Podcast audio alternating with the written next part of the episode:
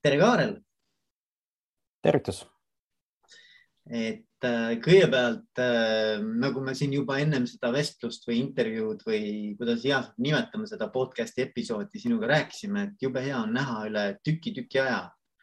et äh, nagu me siin meenutasime, siis peaaegu kümme aastat tagasi sai koos ühte projekti tehtud ja, ja Brand Manualiga koostööd tehtud, aga nüüd siis nüüd siis oleme jälle nagu hoopis teises kontekstis kokku puutunud jumal tänatud, et nii sina, mina kui ka see projekt, mille kallal me töötasime, et me kõik oleme elu ja tervise juures, et see on väga hea enne, ma arvan. see on väga hea, väga hea, ja. aga et äh, kuulajatele, et kes on äh, Kaarel Mikkin, et kui sa ennast tutvustad mõnele äh, inimesele, kes ma ei tea, mis põhjusel küll, aga ei tea näiteks Kaarel Mikkinist midagi, siis kuidas, kuidas sa ennast nii-öelda kuidas sa ennast äh, tutvustaksid, kes on Kaarel Mikkin? tegin äh, sügise poole ühe kliendi jaoks intervjuusid äh, tema klientidega omakorda, kus siis oli üks turismivaldkonnas toimetav mees, kes tutvustas ennast kokk-kondiiter, keevitaja, laevakaptenina ja vestluse käigus tegelikult tõestas mulle ära ka, et täpselt kõiki neid ameteid ta päriselt ka valdab ja oma igapäevatöös tegema peab. Et mul on natukene sarnane teema et äh, ütleme, niisugust hunt kriimsilma võrdlust ma väga tegelikult ei talu, kuna minu arust hunt kriimsilm ei saanud ühegi ametiga korralikult hakkama. minul on lihtsalt elu jooksul tulnud teha ja mulle ka meeldib teha erinevaid asju, et ise nii-öelda ettevõtte asutajana ja aktiivse nii-öelda e-, ühe, ühe eestvedajana hästi palju tuleb tegeleda juhtimisega. tööalaselt on tegelikult hästi põnev osaleda kliendi projektides sellise researcher'ina, kliendi konsultandina oma tiimiga, siis võib-olla sellise mentori ja, ja, ja, ja strateegi rollis. et tegelikult mul neid kingapaare on päris palju, mida ma erinevatel ajahetkedel kannan. aga mitte ainult läbi töö ma ennast ei defineeri, nii et mul on tegelikult nagu mu kolleeg Margus ütleb, et Kaarel, sul on liiga palju hobisid. ja siis ma alati pareerin vastu, et mul tegelikult ei ole samaaegselt palju hobisid, mul on üks hobi korraga, lihtsalt kui ma ette võtan midagi, siis all in et äh, siis ma, siis ma lähen nii-öelda algusest kuni lõpuni välja, vahet ei ole, kas see on rattasõit, kalal käimine, vana mööbli taastamine, vanavara kogumine, mingi asja ehitamine, putitamine, nii et äh, selles suhtes ma olen vist natukene MacGyveri moodi, et enam-vähem paljude asjadega suudan hakkama saada ja, aga noh, äh, selles mõttes on huvitav, eks ole, et kuidas me ennast defineerime, et ma olen alati ka kimbatuses sellega, et, et kui lähed äh, uue seltskonna ette või näiteks, et kirjutad mingit teksti või artiklit, äh, siis kui küsib keegi, et kuidas me siis sind tituleerime, et siis on alati, mul on nagu ikka nagu üpris keeruline, et, et noh, et ükski, ükski nagu kirjeldav selline märksõna või, või tiitel nagu ei anna seda edasi minu arvates nagu, mis see kõik on, mis, millega ma tegelen või et mis, mis mind võiks nagu iseloomustada, et ma olen nõus jah, tiitlid, noh tiitlid teatud positsioonidel või kohtadel või hetkedel elus on tegelikult isegi väga olulised ja vajalikud. et ennast defineerida, noh, samas mingisuguse kogemuse kontekstis sinu jaoks nad enam olulised ei ole või siis ei leiagi seda, seda kõige õigemat ja, ja täpsemat. mul lihtsalt on see õnn, et äh, teenusedisainerina on töö mind kokku viinud väga erineva valdkonna ettevõtete ja organisatsioonidega. et sõltuvalt sellest kontekstist, kellega ma suhtlen või mis kontekstis ma suhtlen, ma saan tegelikult sobiva mütsi endale pähe tõmmata ja öelda, et ma olen politoloogia lõpetanud Tartu Ülikoolis, avaliku sektori klientidele see kindlasti väga hästi mõjub. muidugi, absoluutselt. pikki aastaid see mõjub kindlasti sellise Oreka valdkonna ettevõtetele, et et erinevate mütsidega saan väga hästi hakkama. väga hea. aga jah, et sa siin nimetasid juba sellist äh, teenuse disaini ja teenuse disainimist, et see on, see on ka see teema, mis mind tegelikult paelus äh, sinuga uuesti ühendust võtmast. ja, ja kuna ma ise tegelikult nüüd äh, eelmised pool aastat olin seotud natukene selle teemaga ja sain rohkem nagu tuttavamaks äh, siis see hakkas mind äh, ka rohkem huvitama ja, ja no ma tean, et sa oled ikkagi selle valdkonna proff, et tegeled äh, iga päev, äh, noh, ma ei tea, võib-olla nüüd jälle liialdan, aga, aga põhimõtteliselt iga päev nende teemadega ja erinevate klientidega ja reaalselt teed projekte et siis minu arvates oleks üliäge sinuga nendel teemadel vestelda. Ja kui sa küsisid, et noh, et, et Veiko, aga et noh, et mis nurga alt ja et noh, et, sinu podcast ja et, et äh, kuulajad ja et kuidas see kõik võiks nii-öelda nagu match ida, siis mulle just tundub, et see oleks üliäge vaade kui me saaks täna natukene avada teenuse disaini maailma ja teenuse mõt-, teenu-, ütleme disainmõtlemise maailma ähm, juhtidele ja, ja ettevõtjatele selle pilguga just, et kuidas siis oma käekirja, omad nii-öelda nagu käitumismustrite käekirja niimoodi disainida, miks mitte disainida, et äh, see juhtimiskäekiri oleks just selline, mis oleks selle ettevõtte jaoks ja selle turu jaoks ja nende klientide jaoks äh, kõige võib-olla väärtuslikum, eks ju. et, äh, et noh, see mõtteviis ise mulle juba meeldib väga, et noh, et kuidas nagu voolida või kujundada iseennast uh. -huh. Vot see on, see on nagu niisugune sissejuhatus sellesse teemasse. Teenuse disaini juurde jõudsime tegelikult oma ettevõttega suhteliselt kohe, kui me selle asutasime kaks tuhat üheksa masu kõige sügavamast põhjast. Ja, ja me teadsime väga kindlalt, mida me teha ei taha, milleks oli reklaam ja turundus ja me veel väga täpselt ei teadnud, mida me teha tahame ja selleks meil oli aega, meil kulus aega umbes pool aastat, et tegelikult siis äh, jõuda nii teenuse disaini niisuguse metodoloogia, ideoloogiani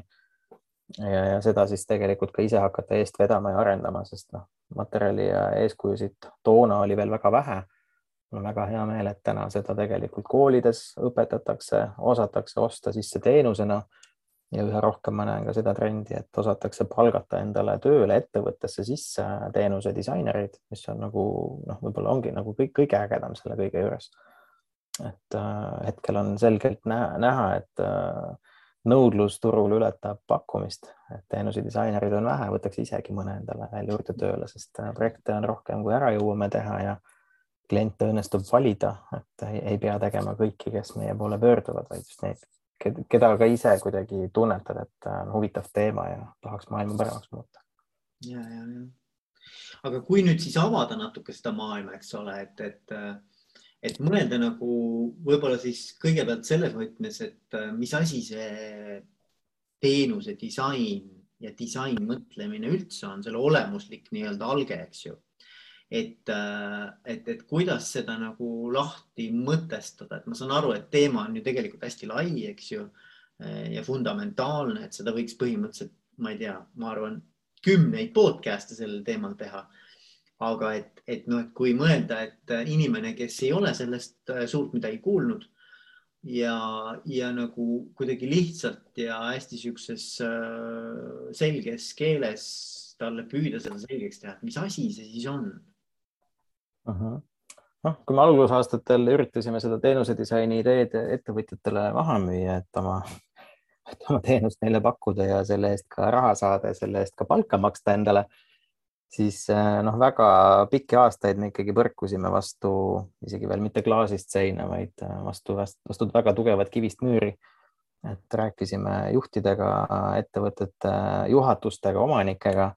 ehk et inimesed olid õiged, aga sõnum oli ilmselgelt vale ja ühel hetkel klikkas nagu ka ära, et tegelikult ega nemad ei vajagi teenuse disaini, teenuse disain on lihtsalt üks metoodika, tööriist, mida meie kasutame, mitte nemad. Mm. ja, ja selline väike diametraalne muutus aitas meil tegelikult jalga palju paremini ukse vahele saada, kui hakkasime hoopis kommunikeerima, et noh, aitame ärimudeleid mugavamalt, aktiivsemalt kasutatavad tõstavad kliendi lojaalsust, vähendavad sinu turunduskulusid, sest inimesed teevad turundust sinu eest, sest nad on sinu teenusega rahul, siis hakkas pall veerema. ja, ja ma arvan, et noh, juhtimisse puutub see väga otseselt, et see, seda, seda tööd me teemegi tegelikult ettevõtete juhtrühmadega. Mm. et kui ma varasemalt reklaamiagentuuris töötades töötasin peamiselt äh, turundusjuhtide ja turundusassistentidega, siis paraku väga sageli läks äh, mingi kiht informatsioonist äh, noh, nende majas delegeerimisel kaotsi ja, ja turundusjuht võis sulle koosolekul noogutada, öelda, et väga-väga lahe, väga äge, teeme ja, ja ülejärgmisel päeval tuli, et mm, juhatusele ei sobinud, et äh, ikkagi ei tee, peate uuesti mõtlema, et siis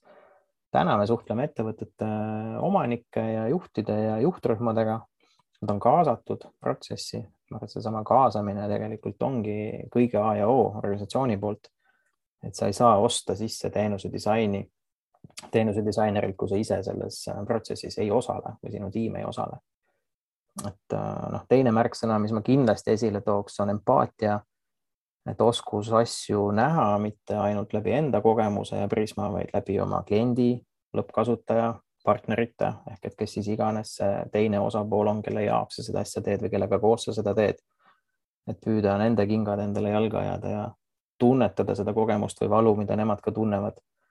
Ja noh, siis saabki sündida see kasutajakesksus, mida me tegelikult kõige rohkem taga ajame, et asjad töötaks nii, nagu me eeldame, et nad töötama peaksid. et nad oleksid äh, mugavad, nähtamatud et ma olen täitsa unustamiseni või, või äh, korduvalt toonud seda näidet äh, koristajast, et lihtsalt olin ise kontoris ükskord pikemalt ja tuli koristaja. sest nad üldjuhul käivad õhtusel ajal, et päeval mitte segada. ja siis kuidagi sain temaga jutule. Ja siis ta oli ka väga meeldivalt üllatunud, et keegi viitsib temaga rääkida, teda ka kuulata. tänasin teda hea töö eest, ütles, et mitte keegi mitte kunagi ei täna teda. esiteks sellepärast, et mitte keegi mitte kunagi ei näe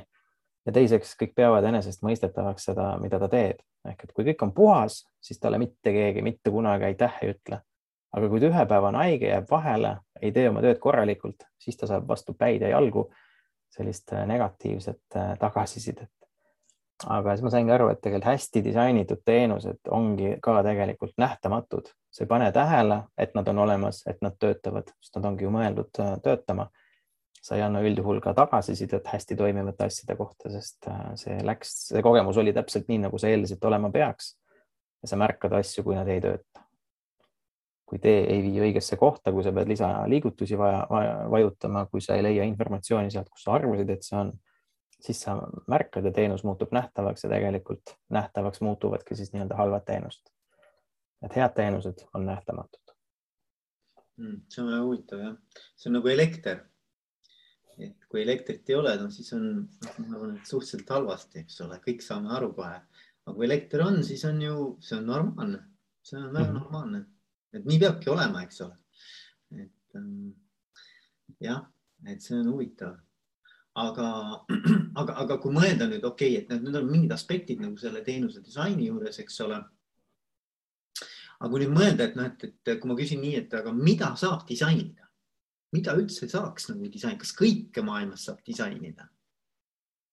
no ütleme, kuna ma üksjagu tegelen koolitamisega, siis sedasama disaini termini tähendust ma olen ka püüdnud alustuseks kohe ühe esimesena asjadest äh, lahti selgitada, et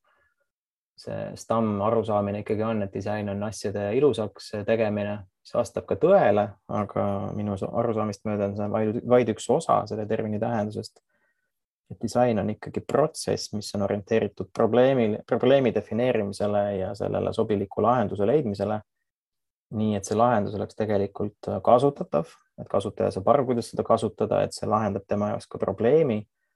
et see oleks arusaadav ja, ja et ta oleks äh, esteetiline, on siis, siis ka nagu üks, üks osa sellest. aga eelkõige jah, disaintoode äh, on hästi läbimõeldud äh, ja lahendab probleemi, täidab mingisugust funktsiooni ja kas ta näeb ka hea välja sealjuures, ei ole primaarne. et mm. see, see kindlasti tuleb endale selgeks teha ja, ja disainitud võib olla väga hästi nii matuseprotsess, restorani kogemus, juuksuri kogemus, taksosõit, pangalaenu võtmine ehk et tegelikult selles mõttes jah kõike saab disainida, nii metallitööstust kui toiduaine, kõike muud mm. -hmm. Ja ma mõtlen just selles mõttes, et noh, et, et kui mõelda nüüd nagu selle juhtimise kui teenuse peale, mis ma arvan, et tegelikult ka nagu päris huvitav mõtteviis, eks ole. et, äh, et juht pakub ju ka teenust, eks ole, noh, tegelikult, eks ju. E, pakub teenust siis äh, eelkõige siis oma tiimile et, et, et noh, et, et kuidas seda nagu selles võtmes üldse nii-öelda nagu vaadelda, sest ma, ma arvan, et paljud inimesed ei võta seda niimoodi, eks ju. Aga et, et ma arvan, et see on päris huvitav nagu mõtteviis juhtidele nagu äh, närida anda. ma arvan, et kui juhid võtaks endale eesmärgiks olla sama nähtamatu kui koristaja, aga tema teha sama head tööd kui koristaja, vot siis oleks, ma arvan, töötajad ülirahul ja ettevõte väga edukas kus juht on õiges kohas õigel ajal ilma sekkumata teiste töösse, teeb nii-öelda selle koristamise, annab õiget tuge, õige lükke, õige suuna, aga laseb inimestel ise tegutseda nii-öelda ilma, et tema oleks pildis. ilmselt äh, oleme kokku puutunud oma elus juhtidega, kes noh, põhjuseta ronivad esiplaanile ja, ja võtavad nii-öelda võidulorberid endale ja tiim seetõttu tunneb võib-olla ennast äh, mitte nii hästi, kui ta oli ära teeninud. Kindlasti on ka teistsuguseid juhte, kes ongi ülikarismaatilised, hästi suure ja tugeva visiooniga ja nad ei trügi esiplaanile, nad lihtsalt säravad nii helgelt, et äh, nad paistavad väga kaugele mm. -hmm. aga ma arvan, et kui mõelda juhtimist kui teenust, noh siis lõppkokkuvõttes äh, sa tõepoolest pead aru saama, et kes siis on need osapooled pead rakendama empaatiavõimet, et äh, mõelda nii nagu nemad ja tunda seda valu, mida nemad tunnevad, et see valu neilt ära võtta, juhtida neid õiges suunas, segada võimalikult vähe, lasta asjadel organiseeruda, nii et nad ei vajaks pidevalt sinu sekkumist, et seesama intuitiivsus ja iseeneslik äh, kulgemine, flow tekiks. et see teenus äh, elab omaette, see on hästi oluline. Mulle õudselt meeldib see mõte tegelikult, mulle nagu meeldib see mitmes võtmes, sest et Mm, pean tunnistama, et minul on ka käinud podcast'is inimesi, noh, juhte, kelle, kui ma küsin, et mis sinu jaoks äh, on nagu edukas juhtimine või millal sa tunned, et sa oled edukas juhina, siis nad ütlevad seda, et, äh, et ma tunnen edukana siis, kui minust sõltuvus on väiketiimil või et noh, et, et, et tiimi iseseisvus on piisavalt nagu kõrge et, äh, et vähendada seda nagu noh, nagu endast sõltuvust. Ja see kõlab hästi kokku sellega minu jaoks, et, et mingis mõttes nagu sa ütlesid, et noh, et nähtamatu, eks ju. et see ongi, ma arvan, see sõltu, sõltuvuse küsimus ka, et kuidas panna nagu tiim toimima sellisel moel, et äh, kõik nagu toimib orgaaniliselt, eks ole äh, aga, aga et see ei ole kuidagi selline nagu äh, noh, nagu noh, nagu juhi õlgadel kõik.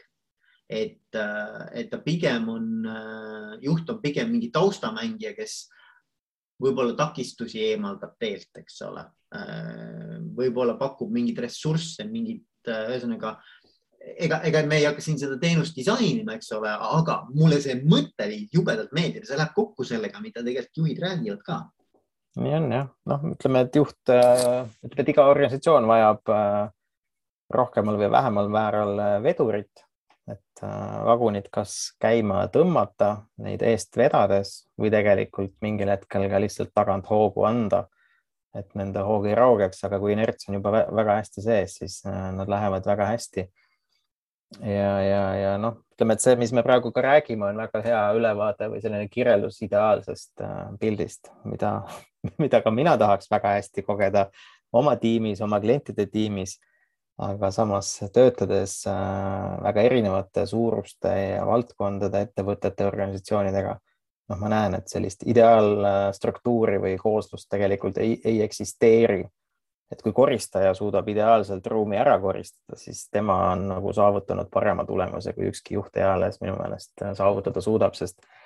organisatsioonis on niisugune asi nagu kultuur, see elab äh, oma elu.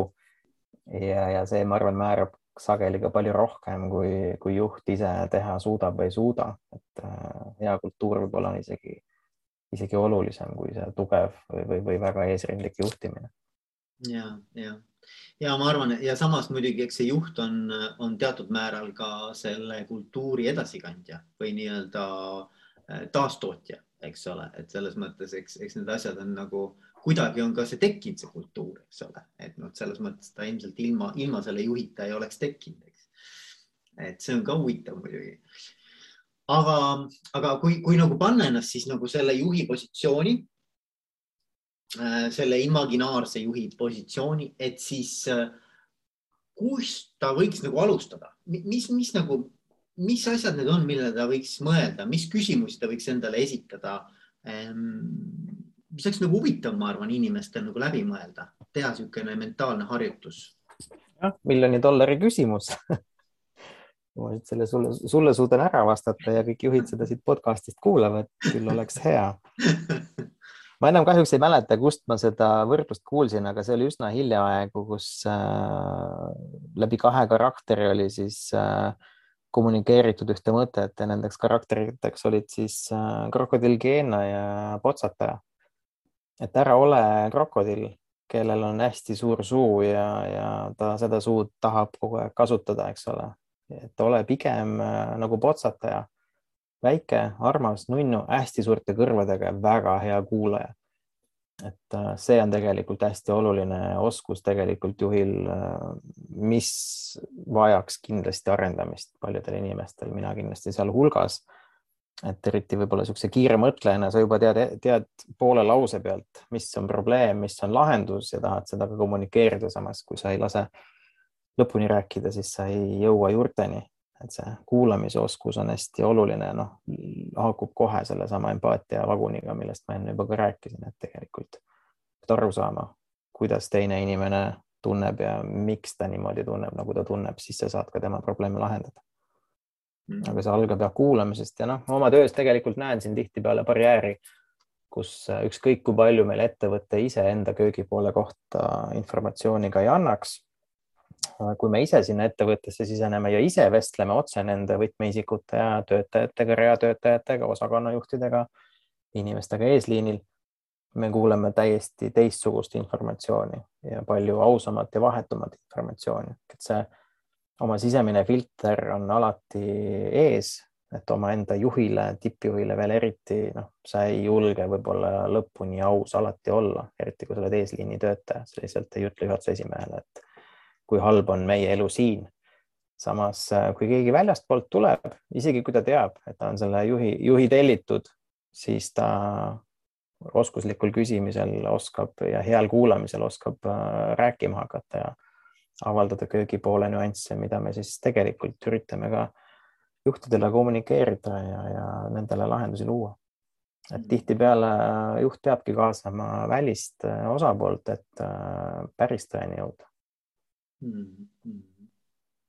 ja, ja aga nagu see, seal on ka, ma arvan, et hästi suur doos, eks ole, sellist nagu enesereflektsiooni või niisugust eneseteadlikkust, eks ju. et, ähm,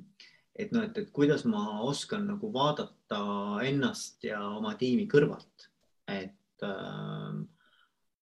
et noh, et üks asi on tagasiside ja võib-olla selline nii-öelda laiem sihuke, nagu sa ütlesid ka empaatiast lähtuv nagu selline tunnetamine, eks ole, mis toimub. aga et, et, et kuidas ma nagu suudaksin tulla oma mullist välja, noh, hästi tihti ikkagi me jääme oma nagu sellesse mingisuguse välja kujunenud äh, maski kinni või rolli kinni ja ei oska nagu tulla sealt välja ja vaadata asju kõrvapilguga et ma arvan, et, et see oleks nagu, nagu üks niisugune, mulle tundub niisugune hea viis, et noh, et kuidas, kuidas tõmmata, võtta aeg maha ja tõmmata ennast sellest igapäeva varavattast välja ja vaadata, et mis tegelikult nagu toimub, eks ju. no mõnes mõttes nagu koolitused ja seminarid ja töötoad on ka selle eesmärgiga, eks ole, et tõmmatagi inimesed nagu sellisest igapäeva virvarrist välja ja, ja aidata neil koos siis vaadata, et kuidas me toimetame ja mida saaks paremini teha aga et noh, selle juhtimise, noh, ma ei ole veel noh, nagu see oleks päris huvitav tegelikult nagu töötuba vaata, et kui oleks niimoodi, et et tiim saab kokku ja, ja tegelikult see, see ütleme selline nii-öelda nagu seminari või töötoa eesmärk on siis äh, disainida meile sobiv juhtimisteenus. et äh, et see ei oleks üldse paha tegelikult jah, samas ma aiman, et see oleks igal ettevõttel natukene omasugune, mis on ka täitsa arusaadav, et äh, ütleme just nimelt tuginedes sellele kultuurile ja, ja praktikale, mis ühes või teises ettevõttes läbi tema inimeste on. et äh, ma arvan, et siin on ka noh, täiesti möödapääsmatu, et äh, tippjuhtkond mitte ühe korra, aga tegelikult regulaarselt ja pidevalt äh, käib nii-öelda need erinevad tegutsemistasandid ka ise läbi, saab selle ise vahetu kogemuse, mis tähendab seista kassas, äh, leti taga, olla tootmises, tõsta neid raskeid kaste, töötada noh, ruumis, kus temperatuur on viis kraadi terve pika päeva, vahetada riideid nendes kitsastes äh, riietustubades, et, äh, et siis sul tekib see reality check ja see empaatiavõime noh, varem või hiljem, aga hakkab sul tööle et noh, ütleme täiesti usun seda mantrat, et kui sul on õnnelikud töötajad, siis lõppkokkuvõttes on sul ka õnnelikud kliendid. aga vastupidi, on päris raske seda mudelit tööle panna, et kui sa ainult klientide rahulolu nimel seda kasutajakogemust kujundad ja, ja see tuleb sinu töötajate arvelt, kes noh, ei ole rahul töötingimustega, teevad üle, ületunde, ei saa väärilist tasu, neil pole õigeid töövahendeid, siis noh, nad vahetavad töökohta esimesel võimalusel, kui neil pakutakse kõrgemat palka. ja, ja see tähendabki seda, et juht peab töötama kõigepealt seestpoolt organisatsiooniga ja siis väljapoole kliendile mingisuguseid lubadusi andma ja, ja mingisuguseid tegevusi tegema et terve organisatsioon, ma ütlen nii-öelda eluterve organisatsioon peaks toimima just niipidi. ja see on, see on ka huvitav jah, et, et äh, see, see teema, et noh, mis see ahel on, eks ole, või mis see nii-öelda see põhjus-tagajärg on, et, et, et ma ei mäleta, kes see oli, kas see oli Richard Branson või keegi on vaata ka öelnud, et, et, et Äh, kõigepealt tulevad, eks ole, nii-öelda pühendunud töötajad ja siis see peegeldub omakorda, eks ju, klientidesse, kes on rahul selle teenusega või tootega, mis nad siis saavad, mis omakorda siis annab võimaluse tegelikult äh, küsida nende käest ka noh, nagu tasu, väärilist tasu, mis teeb omanikud õnnelikuks, eks ole. et, et noh, selles mõttes see nagu see jada on nagu ma arvan, nagu noh, ma usun, ma usun niipidi, eks ole uh. -huh. et äh, aga noh, siin ongi, et mis on need pühendunud töötajad siis, eks ju, et, et äh, tegelikult, kui sa vaatad äh,, vaatad seda maailma äh, ja Gallup teeb ju iga natukese aja tagant, ma ei tea, kas ta nüüd iga aasta vist ei tee, aga mingi aja tagant teeb alati, teeb globaalse sellise pühendumisuuringu töötajate seas, sealhulgas ka Eestis äh, ja kui ma nüüd päris mööda ei, ei, ei mäleta, siis äh, ainult üks inimene neljast ehk siis põhimõtteliselt veerand töötajaskonnast on nagu pühendunud. Et, et see on natukene nagu vähe. et noh, eks seal nüüd on see küsimus, et kuidas me tõlgendame, mis on pühendunud, mis ei ole pühendunud, aga, aga noh, ütleme, et usaldame Gallupit ja ütleme, et, et aktiivselt pühendunud inimesi ikkagi vähemus, et et noh, selles mõttes äh, võiks küll küsida, et noh, et, et kui palju see sõltub juhtimisest. Äh, ma arvan, väga palju, eks ju. et nüüd äh, ongi nagu küsimus, et mida siis juhid võiksid teistmoodi teha või mis nad valesti teevad, eks ju, või et, et mida saab muuta või mida saab paremaks teha selleks, et see pühendumise tase nagu kasvaks. ja ma arvan, et siin on täpselt seesama teema, et noh, et et juhtimine on ikkagi sellest juhtimisteenuse kasutajast sõltuv, eks ju. Et noh, et, et, et kes see kasutaja on, milleks, milleks juhti üldse vaja? On, nagu no mõnikord nagu võiks juhid küsida seda, et, et, et miks peaks keegi tahtma olema, olla minu tiimis. nagu, et see on ka nagu minu arust nagu teistpidi küsimus, eks ole, et tavaliselt on see, et noh, et, et noh, keda mina valin endale tiimi, eks ole. Aga kui küsida teistpidi, et miks peaks keegi tahtma olla minu tiimis, noh siis ja head vastust ei ole, siis ma arvan, et tasub, tasub nagu sellesse teemasse nagu hästi sügavalt nagu sisse vaadata. noh, ütleme, et selle loogika kohaselt ei ole väga vahet, kas sa oled äh, juht, äh, mingisuguse admin töö tegija, füüsilise töö tegija, ükskõik millise ülesande äh, tegija, sul on mingisugune roll tiimis täita ja noh, ideaalolukorras siis äh, sa võiksid täita rolli, milles sa oled parim ja noh, juhtumisi mõnedele langeda, siis jäävadki siin, kui juhi kohale satuvad inimesed, kes ei ole selle rolli täitmiseks kõige paremad või kõige osavamad kandidaadid. aga noh, ma olen seda ka oma nahal kogenud, et äh, tegelikult äh, juhi ju,, ettevõtte etteotsa sattudes, juhi nii-öelda kohustusi täitma hakates, sul puudub selleks võib-olla absoluutselt igasugune teadmine, kogemus, ettevalmistus, tugi. ja, ja sa oled mõnes mõttes ka täiesti üksi. Öeldakse, et mõned inimesed on, inimesed on sündinud juhiks, täiesti nõus, jah, nad on karismaatilised, võib-olla autoritaarsed, täiesti iseseisvad, väga tugeva visiooniga ja väga head kommunikeerijad. Et äh, aga, aga kõigile ei ole seda antud ja kõigil ei ole seda võimalust, samas äh, vaadata, kui palju on ettevõtteid Eestiski, suuri, väikseid, et niipea kui sul on ettevõttes rohkem inimesi kui üks, siis tekib kohe see küsimus, et kes veab, kes vastutab, kes teeb. ja niipea kui sa endale hakkad palkama töötajaid, siis on juba nii-öelda teatud tasandil, aga sellist juhtimist või eeskuju või tuge tegelikult vaja. jah, see on, see on hästi huvitav teema, et, et ma ise võin küll öelda, et kuigi ma olen otsinud, eks ju, podcast'i niisugune läbiv küsimus on ka, et mida tähendab olla edukas juht. noh, tegelikult see on niisugune punane niit, mis kõikidest nendest minu podcast idest peaks nagu läbi jooksma teemana eh, siis eh, vastus on pärast kahtesada seitsekümmend plussi episoodi, et ei ole vastust vähemalt ei ole ühest vastust. et ähm, tegelikult on äh,, on ikkagi väga erinevat nägu, erinevad äh, edukad juhid, et selles mõttes neid on igas sulelisi, karvalisi, kõikvõimalikke sorte. et ähm, ja väga erineva lähenemisega. Ehm, et see vist ikkagi on väga situatiivne, kontekstuaalne ja, ja tegelikult sõltub sellest, et eh, kes on see tiim, eh, see organisatsioon, see turg, eh, kes on tema kõrval, et millised on need kompetentsid, millele ta saab siis oma tiimis toetuda. Ehm, ja tavaliselt ongi, ma arvan, et juhil on üks või kaks sellist väga suurt tugevust, mis siis noh, ei pruugi üldsegi olla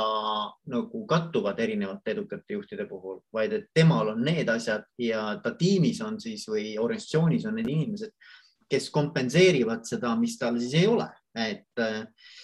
noh, see on nagu jälle nagu sihuke ideaalne, no loodame, et kompenseerivad, eks ole, mõnikord ei kompenseeri ka, aga uh, -huh. aga ma arvan, et see ongi nagu niisugune mõnes mõttes selline mitme peaga lohe, et noh, et seal on nii palju erinevaid aspekte ja oodata, et juht on kõikides nendes teemades nagu super, noh, ei ole, et selles mõttes äh,.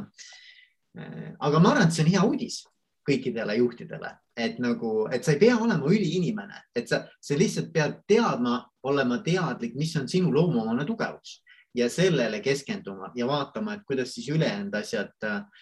saaksid äh, võib-olla siis teiste rollitäitjate poolt äh, kaetud.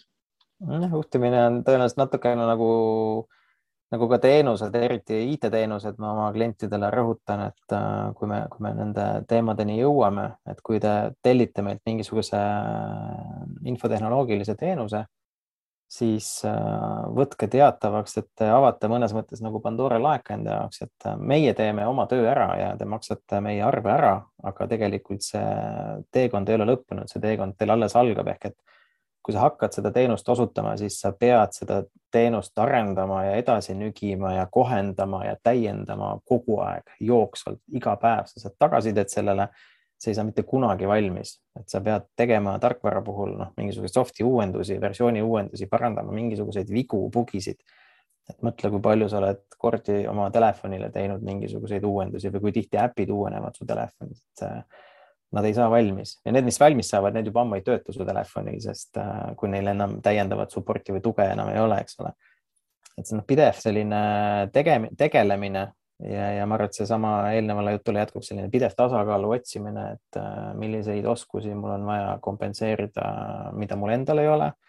et keda ma pean tiimi juurde tooma ja, ja kaasama ja ise, ise siis võib-olla mitte tegelema kõikide asjadega ja võib-olla pikas perspektiivis ka, et kui mul on endalgi juhina mingisugused väga asendamatud äh, tugevused, siis ikkagi ka mõtlema mingisuguse nii-öelda järelkasvu ja teatepulga edasiandmise peale, et trammi faktor on äh, alati hüpoteetiliselt võimalik, et kui sa trammi alla jääd, siis mis edasi saab? mulle meeldis sõna trammi faktor et iseenda asend noh, vaikimisi selliseid agendasid, millega peaks tegelema, võib-olla mitte nii avalikult ja mitte nii ofitsiaalselt, aga vähemalt alateadlikult kogu aeg seda mõtet enda peast rummeldama, et what if mm.. ei maksa muidugi, ma ei taha paanikat külvata, et nüüd sa homme trammi alla jääd, eks ole, et sul täna, täna vaja võtta vastu mingeid otsuseid, aga lihtsalt in the long run. et võib-olla tahad ise pikemale puhkusele minna, kõik ette tulla, et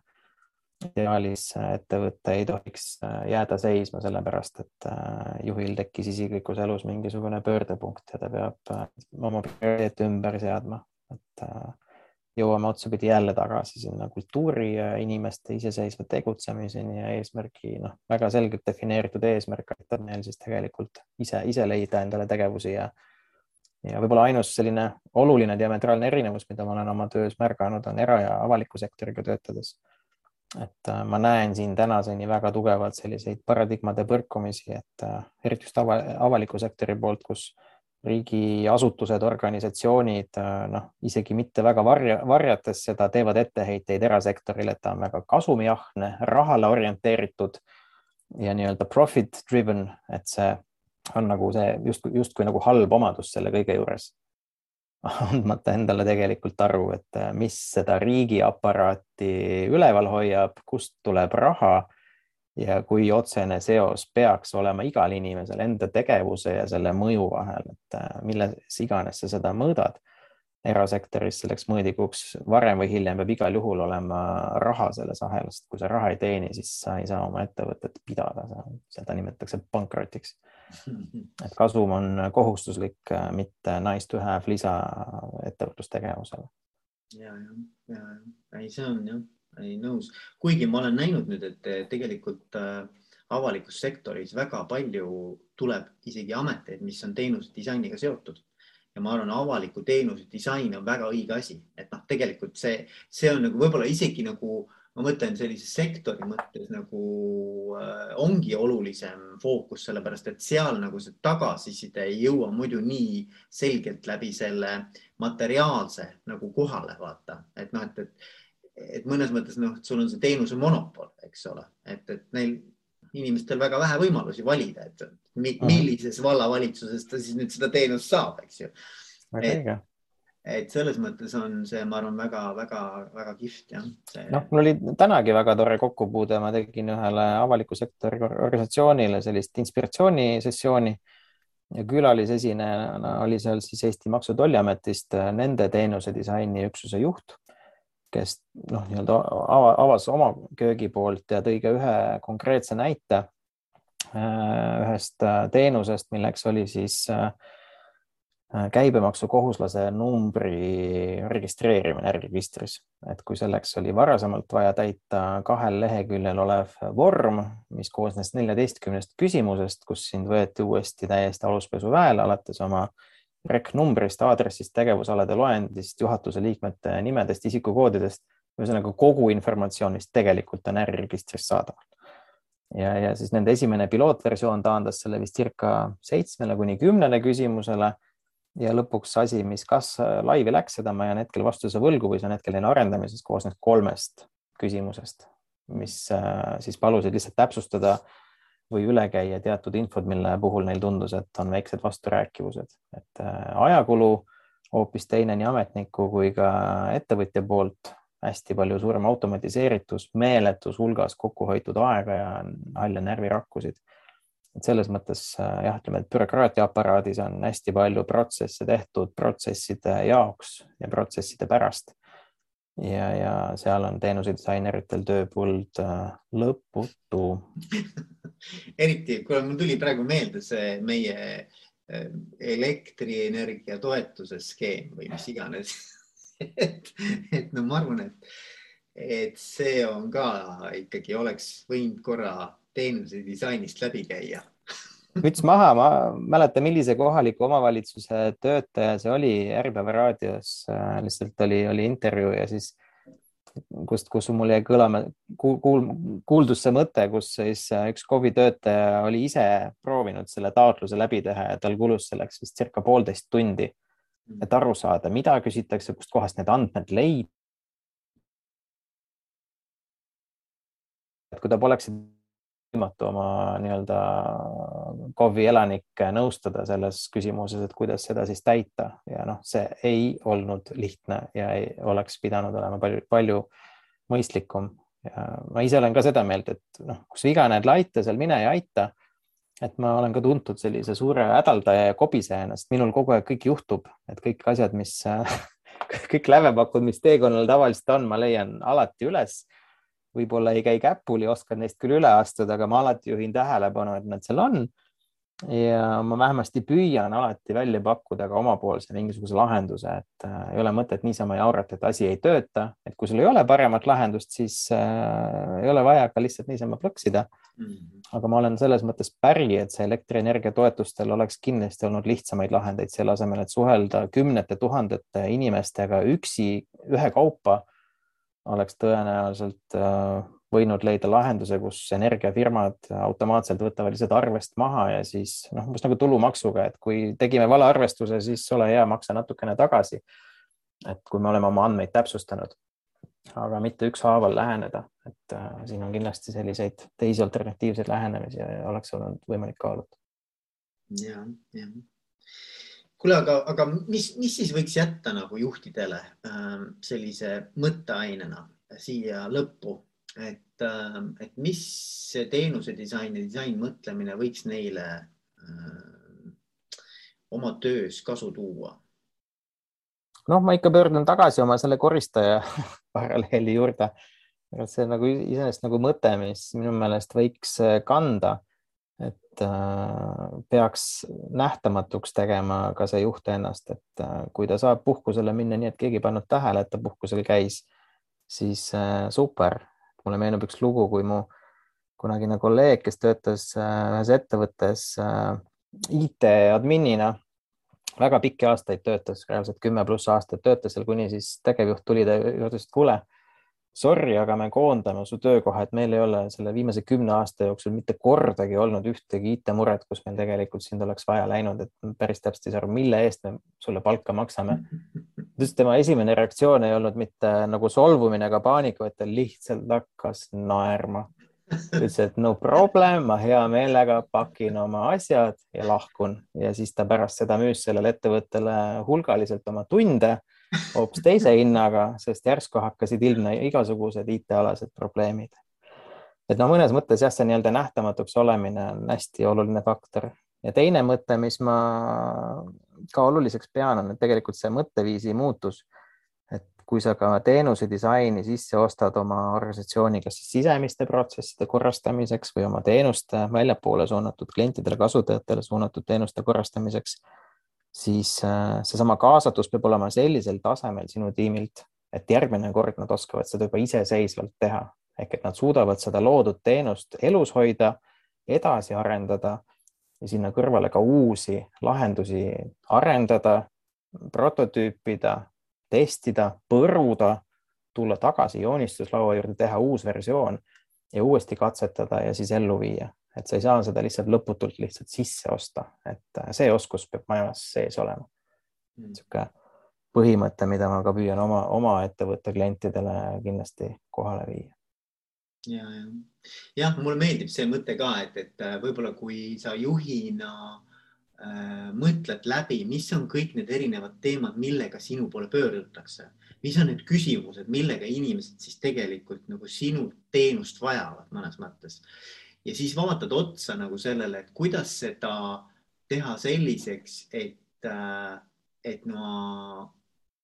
muudan iseennast nagu